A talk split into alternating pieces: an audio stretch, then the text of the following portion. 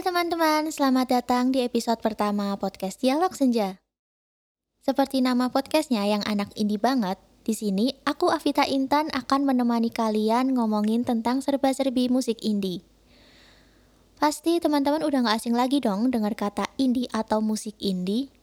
Sebenarnya apa sih arti dari indie dan juga musik indie itu sendiri? Jadi gini teman-teman, masih banyak yang salah mengira kalau indie itu adalah salah satu genre musik. Salah besar. Musik indie itu bukan genre. Indie diambil dari kata independent yang artinya berdiri sendiri. Ini berkaitan sama musisinya yang berdiri sendiri tanpa dinaungi label rekaman. Jadi jangan salah arti lagi ya guys tentang musik indie.